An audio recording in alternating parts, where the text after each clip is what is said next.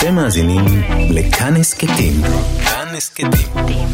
הפודקאסטים של תאגיד השידור הישראלי. שלום, כאן רוני קובן. אני מגיש את התוכנית פגישה שמשודרת בכאן 11, אבל לטובת אלה שמעדיפים להקשיב או שאין להם זמן לצפות בבית, הכנו לכם גרסת שמע של התוכנית שתעלה בעמוד הפודקאסטים של כאן מדי שבוע. אז הנה פגישה, גרסת ההסכת. האזנה נעימה. בגיל 74 חיים באר, מי שכתב בין היתר את חבלים, נוצות ואת הזמיר, הוא מבכירי הסופרים שלנו, אבל זה ממש לא גורם לו לעשות מעצמו עניין. האיש שהיה מבניה המושבעים של הציונות הדתית, והפך אולי לגדול מבקריה, מדבר כמו שהוא כותב, עם אירוניה עצמית, עברית מהפנטת וחמלה. חמלה על הסודות של אבא ואימא, על ירושלים של ילדותו שהייתה ואיננה, חמלה שהוא שופך על כולנו, גם על עצמו. חיים באר הוא האורח שלי הערב. שלום חיים. היי רוני. נו, זה הקיר הידוע. כן, זה סיפור חייך בתמונות. אהלן. אהלן. תשאירו את זה בשביל האלמנה, זה יהיה לדורות הבאים. לדורות הבאים. כן. אתה יודע, יש פה את המשפחה שלך והספרים שלך ומאמרים שכתבת, אבל יש טקסט אחד שהחלטנו לחסוך ממך. אתה יכול לנחש איזה? לא? זה, זו ביקורת מאוד מוקדמת ומשמעותית בחיים שלך. אדם ברוך, אה, דן מירון. דן מירון. אני מדבר על הביקורת הראשונה כן, שדן כן, מירון כן, כתב עליך, כן, כן. שאתה התוודעת אליה בכלל בשידור חי בטלוויזיה, נכון? כן, זה היה... ספר את הסיפור. תשמע, זה היה, אה, ברשותך, אני ככה, כדי שנהיה פחות... זה היה שבוע הספר, והייתה רק טלוויזיה אחת, זאת אומרת... אה, ערוץ אחד. ערוץ אחד, ואני וילדיי יושבים, ומופיע דן מירון, ושואלים אותו מהם הספרים החשובים. אז הוא אומר, יש ספר אחד שעוסק בפיוט עתיק, אבל אני רוצה לדבר על הספר הרע של השנה, הספר המושחת של השנה. המושחת. כן, וזה, ואני מקשיב, הוא אומר, זה ספרו של חיים באר נוצות. זה הספר הראשון שלך. הראשון, ש- הפרוז הראשון שלי, וילדיי, אתה, אתה מבין מה זה למעמדו של אבא ששני ילדיו יושבים, הם שומעים מה, מה בדיוק אומרים על אבא שלהם, ואני צריך ללכת לשבוע הספר, לחתום על ספרים. ואני אומר לבתיה, אני לא הולך. אני לא הולך. מה, ב- ב- אז היא אומרת, לא, לא, אתה התחייבת ללכת, תלך. אני בא לשם, מבוהל ומבועת.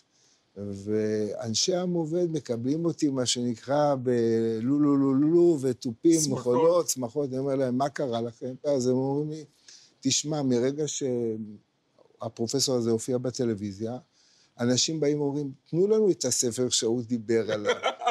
אלף עותקים אין דבר כזה, bad publicity. כן, ולמחרת אני הצעתי למחלקת ההפצה של עם עובד שישלחו לו פרחים. גם את הספר הבא שלך. הוא המשיך, הוא המשיך, אבל מה הוא עשה לי טוב?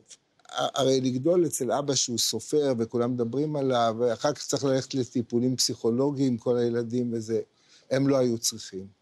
משום שהוא הרס את דמות האב בצורה כל כך מרשימה, שאני חייב לו פעמיים, גם את המכירות וגם את אה, הפטור מטיפולים פסיכולוגיים. אנחנו. נשב, כן.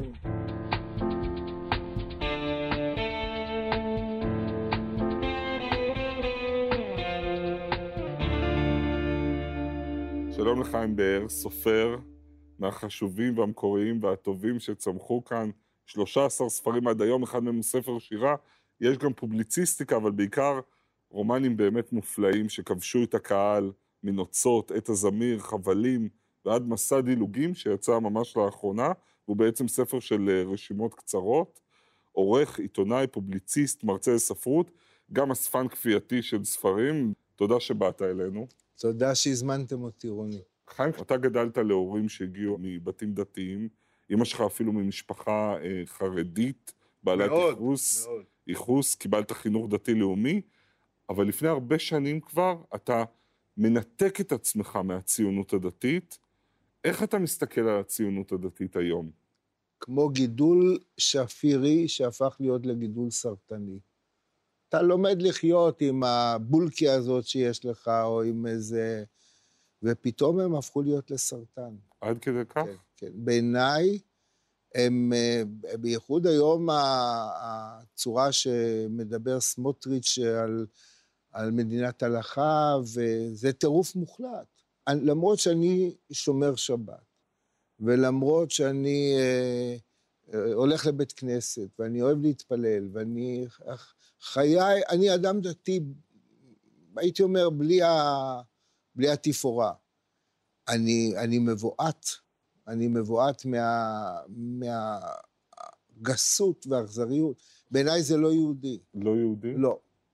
זה צד מסוים ביהדות שהיה, אבל צד אה, שהיה מרוסן, ופתאום הוא, הוא התפרץ. הוא התפרץ, וזו קבוצה שמובילה אותנו, או רוצה להוביל את החברה הישראלית.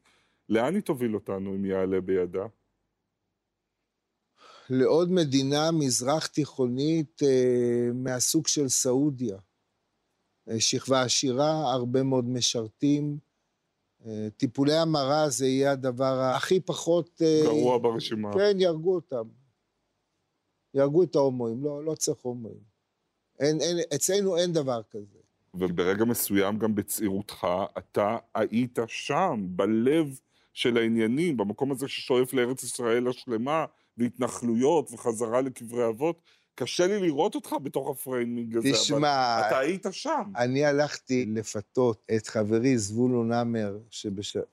היה שר החינוך, והיה איש הצעירים של המפד"ל, והיה מתון מאוד. אני הלכתי לפתות אותו שיבוא אלינו לגוש אמונים. אתה מבין, אני איכשהו בבית דין של מעלה, מחכה לי איזו תקופה של, אה, לא רוצה להגיד אה, אה, צואה רותחת שיכניסו אותי, או איזה שכבת זרע רותחת שיכניסו אותי, שאני ארגע קצת. מה גרם לך בסופו של דבר לבחור אחרת? אני, אני זוכר בדיוק את הרגע.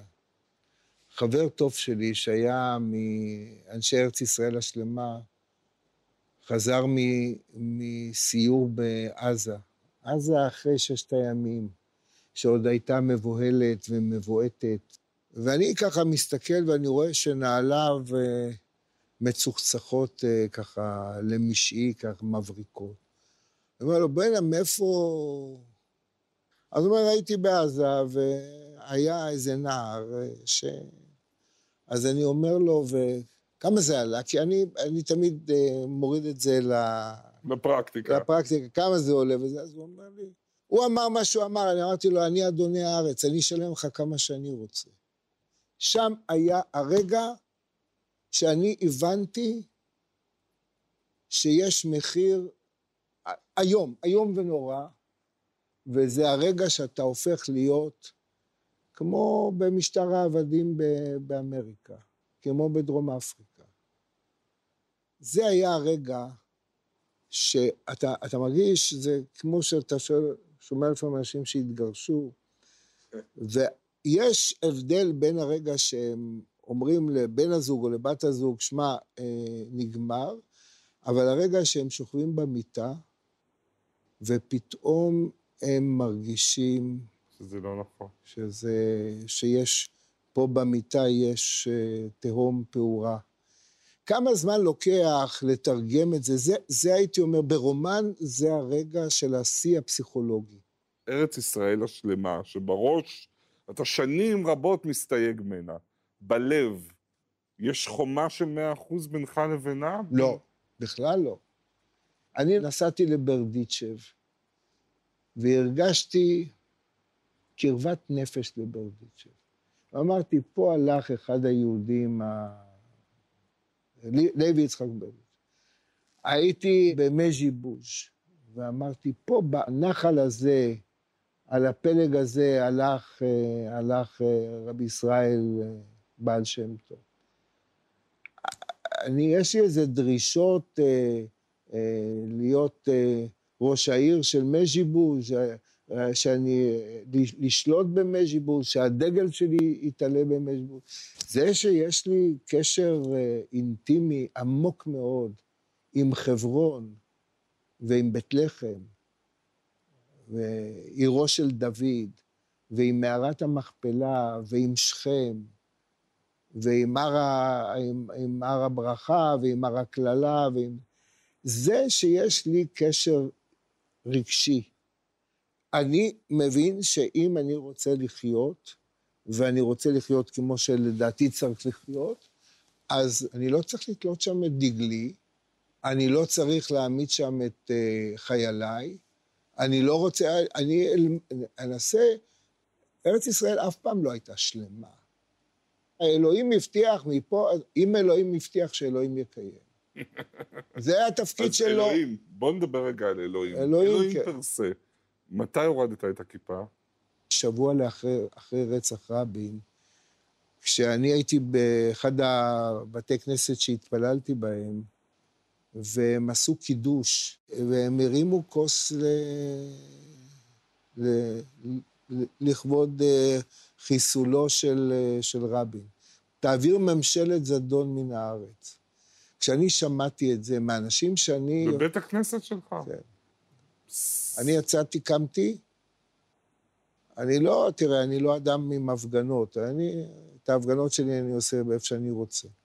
אבל אני יותר לא חזרתי לשם. ויתרת על הכיפה, אבל לא ויתרת על אלוהים. אני לא צריך אף אחד מסביבי כדי, בוא נגיד, להיות מחובר. בעיניי, הדבר הכי מרתק בעולם היהודי זה ארון הספרים היהודי. זה אותה הוויה, אה, רצף של דורות, שאתה רואה כל כך הרבה חוכמה ורגש. אבל, אבל הוא, מה איתו? מה, מה סוג... הוא... אם אפשר לשאול, מה סוג הקשר היום? שלי? שלך איתו?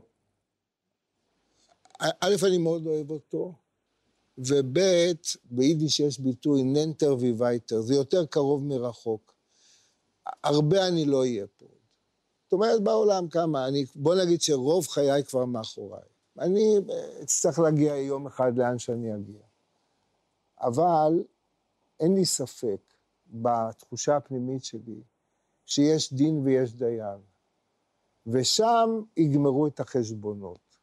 לא על מה אכלת ומה שתית, אלא אם היית בן אדם או לא היית בן אדם. אני למשל, אתה יודע מה, מה שלא נותן לי לישון, זה האימא הפיליפינית עם הילד שלה, ששופט יהודי ושופטת יהודית גרמו לזה שיעלו אותם על מטוס ויגרשו אותם מהארץ. אם אני הייתי אלוהים, אני הייתי יורק עליהם. זה, זה הרי לא יעלה על הדעת, הילד האומלל הזה, אין להם שום רגש. מה זה? על, על זה, על זה יענשו. על זה יהיה דין ויהיה דיין, זה לא יעבור, אה, לפחות בעולם שלי. אם העולם הפקר, אז אה, התחרבנתי, אבל לדעתי העולם לא הפקר.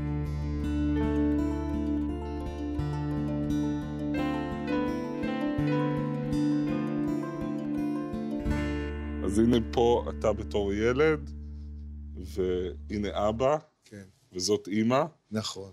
אמ, ילד טוב ירושלים, וזה בית יחסית דחוק, עני, נכון? תראה, העוני, זה התחיל בעצם, אבא שלי לא הייתה לו עבודה. ואימא שלי הלכה לתנובה וביקשה שייתנו לו בקונסיגנציה עמוד ביצים, עשר תבניות ביצים. הוא ישב בפינת הרחוב והוא מכר ביצים. ואז אימא פתחה מכולת.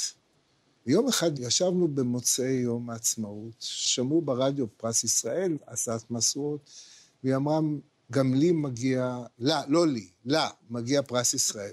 אמרתי, מה, מה מגיע לך פרס ישראל? אז היא אמרה, על איך שאני חייתי את החיים שלי. ואתה יודע מה? זה מרגש. זה, זה מרגש. אז אה, אני מסתכל על אימא שלי כאן, למשל. הם הביאו אותך גם בגיל יחסית מאוחר. בטח, מה זה מבוגר? בטח לזמנים ההם, נכון? אימא הייתה בת 40 ואבא היה בן 55 ב-1945. 15 שנה הפרש, ואני רוצה רגע לצייר את, ה, את התפאורה, תכף ניכנס פנימה. אתה הולך לבית ספר דתי יוקרתי, מעלה, יש שם ילדים שבאים מבתים עשירים, בטח ההורים שלהם הרבה יותר צעירים, אבא שלך בכלל לא יודע עברית, הוא מדבר יידיש.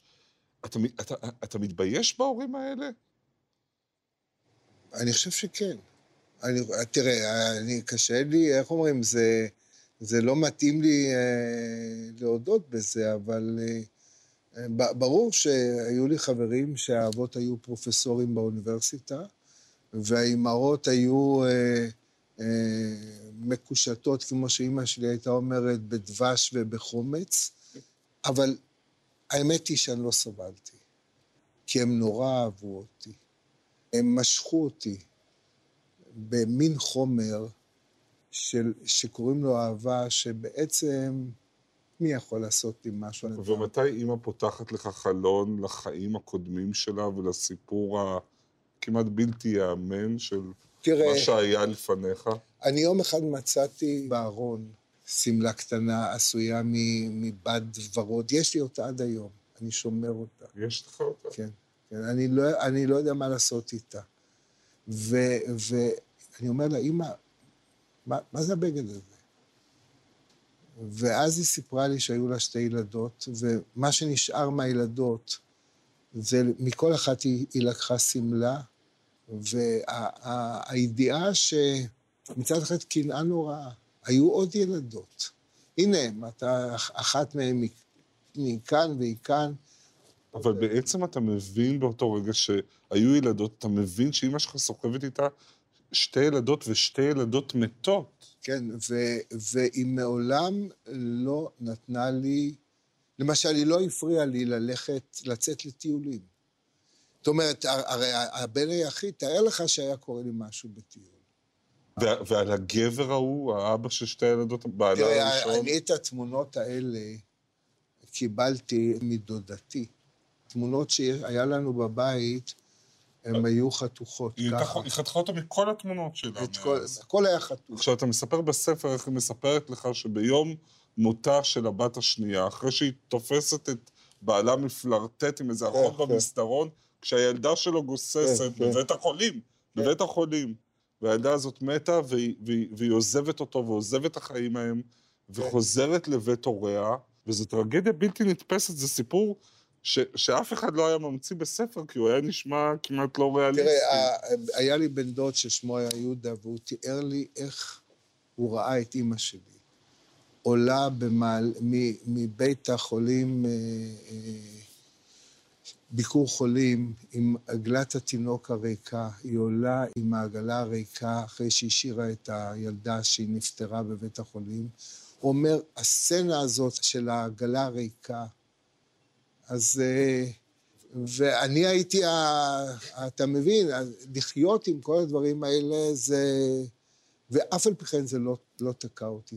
ואף על פי כן עשית מזה... חבלים, כן. עשית כן, מזה ספרות. כן, כן. אני רוצה רק עוד סצנה אחת שהיא באמת בלתי נשכחת. זה, זה אימא שלך עוברת לבית הוריה, פותחים חנות, אה, דגים, ו, ו, אבל בשלב מסוים היא כבר, היא לא רוצה לחיות יותר, והיא עולה על הגג, נכון? והיא, והיא מתכננת בעצם לשים קץ לחייה, ואז? ואז היא סיפרה לי, הרי היא, היא סיפרה את הדבר והיא אמרה, אז הרגשתי שקיבלתי. ואני אומר לה, מה קיבלת? הייתי ילד, נו באמת, מה, הילדים של היום... אה, זה, ו, ואני אומר לה, מה קיבלתי? היא אומרת, קיבלתי בווסת. ואמרתי לה, אז מה זה אומר? זה אומר שאני יכולה ללדת. ואז היא מחליטה שהיא חייבת להתחתן, והיא הכירה את אבא שלי. היא מתחתנת עם אבא שלך שמבוגר ממנה ב-15 שנה, כן. והוא אלמן, ואתה כותב על הנישואים האלה שיש בהם, הם מרובי בעיות והתנגחויות על שטויות, וזה אתה ואימא נגד כל העולם, ואימא תמיד צודקת ואבא תמיד, לפחות אז הוא, מה, לא יוצלח הזה? הנה, תראה, זה, זה הביטוי שאתה רואה, הרי הכל קואליציות. זה אני, כאילו הגבר, וזאת האימא, זאת האישה, והגבר השני עומד אה, אה, בנפרד. תמיד הסתכלת עליו בתור ההוא שעשה לך בושות. ההוא שעשה... והיא הייתה המלכה. תראה, הוא... אה, כן. הוא עשה לך בושות. תראה, זה רגע שאתה חייב לשמוע. זה היה טלוויזיה, ו... וזאת הייתה שיחה בשניים, ודנקנר... אמנון דנקנר. אמנון, חברי ל... ללימודים בבית ספר, ופתאום הוא אומר לי, תגיד לי, אתה זוכר אז אה, בפוריה? אני חשבתי ששכחו מזה. אבא שלי נסע איתי לטיול השנתי לשמור עליי. הוא התנהג נורא בסדר. כל, ה, כל הנסיעה וטיול שנתי, הוא ישב ליד הנהג, והילדים צחקו וזה, ואני איתם למעלה. עכשיו, הוא היה צריך לישון באיזה מקום. שם ישנו על הרצפה עם זה, והנהגים, היה להם חדר, לא היה מקום בשבילו. הוא ישן איתנו. וכמובן, בלילה הצובעים עם uh, משחת נעליים, משחת שיניים וככה, והוא קם, והוא עמד עם מגת כס, והחנות שלו, מסכן, הייתה פתוחה, והוא נסע משלו, והוא לא דיבר עברית טוב, אז הוא אמר, כבי את המנהרה. זאת אומרת, חברו את המנורה. לא מרי ולא מרה. לא אני ולא זר, סבולוצ'י ברדק. זה, זה הפך להיות לפזמון שכל הילדים רצו אחריי שנים. אני, הסיבה שעזבתי את ירושלים זה לא בגלל עבודה ולא בגלל זה ולא בגלל... זה, אתה הולך ברחוב, אתה הולך ברחוב, ו, וכולם אומרים לך לא מרי ולא מרה. ואני חשבתי, עברתי לתל אביב, בניתי את עצמי מחדש, המצאתי את עצמי מחדש. והחרא הזה, דנקנר, אנחנו יושבים באולפן, בטלוויזיה. בטלוויזיה, מול פני האומה, בשידור ישיר, אי אפשר לחתוך, אי אפשר כלום. אומר לי, אתה זוכר את זה? ומה ענית לו? עניתי לו, כן, ואני הולך לכתוב על זה. וכך זה התחיל. תראה, אני כמו הציפור ש, ש, שמונחת בשלג, ובאה פרה ומחרבנת עליה. ומהחרבון, מהחום, היא מתאוששת, אתה מבין?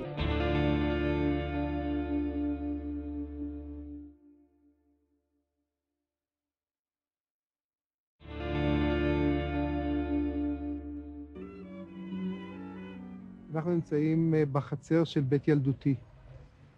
כאן, בבית הזה, עברו עליי אה, השנים הגורליות, השנים החשובות של, של חיי, שנות הילדות.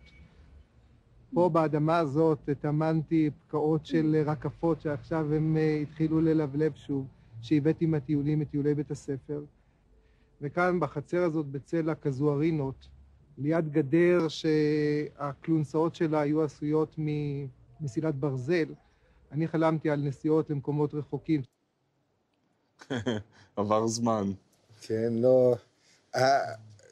זה מתוכנית ששודרה בשנות ה-80 בחינוכית, כן, פני כן. הארץ, ואתה אבא צעיר עם הבן שלך, זה הבן הצעיר, זה צביקלה. ש- שניכם עם כיפות עדיין, כן, כן.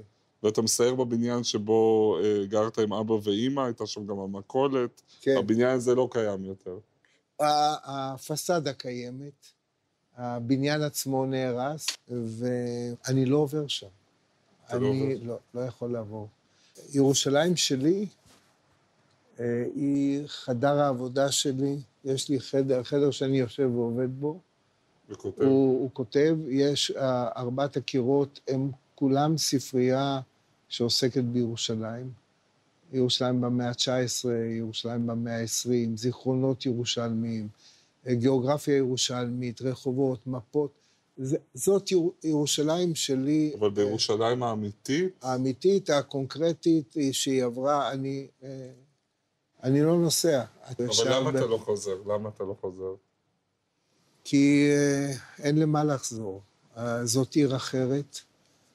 היא חיה, היא חיה את חייה, היא עברה דרמה אבל אדירה. העולם שלך הוא כבר איננו. איננו, כן. וצריך להגיד שאימא, כמובן, מאז אה, נפטרה מסרטן, ובספר האחרון שלך, מסע דילוגים, אתה מספר איך אתה והיא יושבים במסדרון בבלינסון במהלך הטיפולים, והיא אומרת לך, וואי, אני צריך להיזהר לא לבכות, רגע, היא אומרת לך, בן שלי, כל החיים לימדתי אותך איך לחיות, עכשיו אני מלמדת אותך איך, איך נכון למות. היא אמרה לי, אני לימדתי אותך איך עולים על כיסא, איך מדליקים גפרור תמיד החוצה, שהלהבה לא תפגע בסוודר.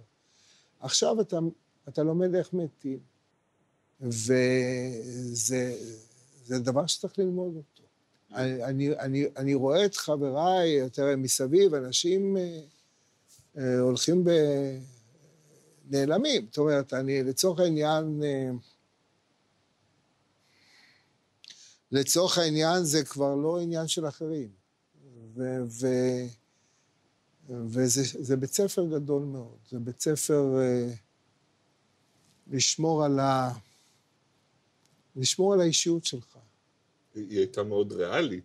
כן, כלפי כן. המוות, נכון? כן. אמא שלך בעצם. לא, היא אמרה לי יום אחד, היא אומרת, קשה לך? שלקחתי אותה להקרנות, אז אני אומר לה, כן. אז היא אומרת, תראה, גם אם היו חמישה ילדים, זה תמיד נופל על אחד, זה היה נופל עליך. אז לפחות, היא אומרת, כשיגיע לחלוקת הירושה, לא יהיה לך ויכוח עם אף אחד. ואיך אתה עם המוות? גם כזה ריאלי ומפוקח ואלגנטי, או שאתה מפחד? תראה, קודם כל אני מפחד נורא. המחשבה שאני אלך והכל ימשיך, זה משגע אותי. רוב הדברים שאנחנו עושים, מישהו מלווה אותך. אתה, על כל פנים, חבר, בעל, אישה, ילדים, אמא, אבא, אנחנו כולנו למוות אנחנו הולכים לבד. לבד. וזה, אין, אף אחד לא יכול ללכת איתך. אף אחד לא יכול לתת לך כלום. אתה לשם תלך לבד.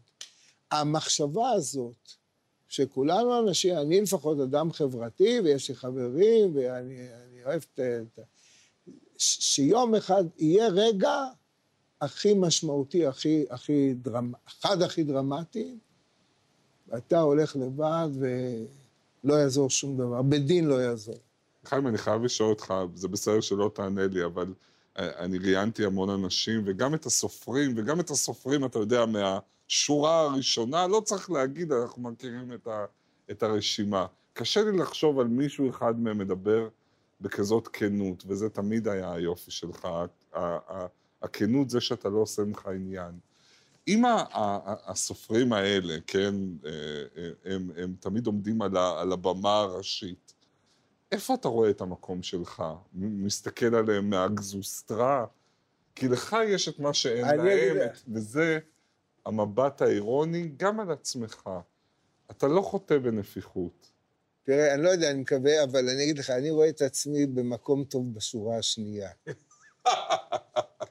זאת אומרת, לא, לא בשורה הראשונה. קודם כל, אני בטוח שיהיו הרבה שלא יסכימו איתך, והרבה מבקרים בסדר. וקוראים שיגידו, אתה לגמרי בשורה הראשונה. בסדר. אבל זה נדמה שאתה, שנוח לך בשורה השנייה, שאתה רוצה להיות בשורה אני... השנייה.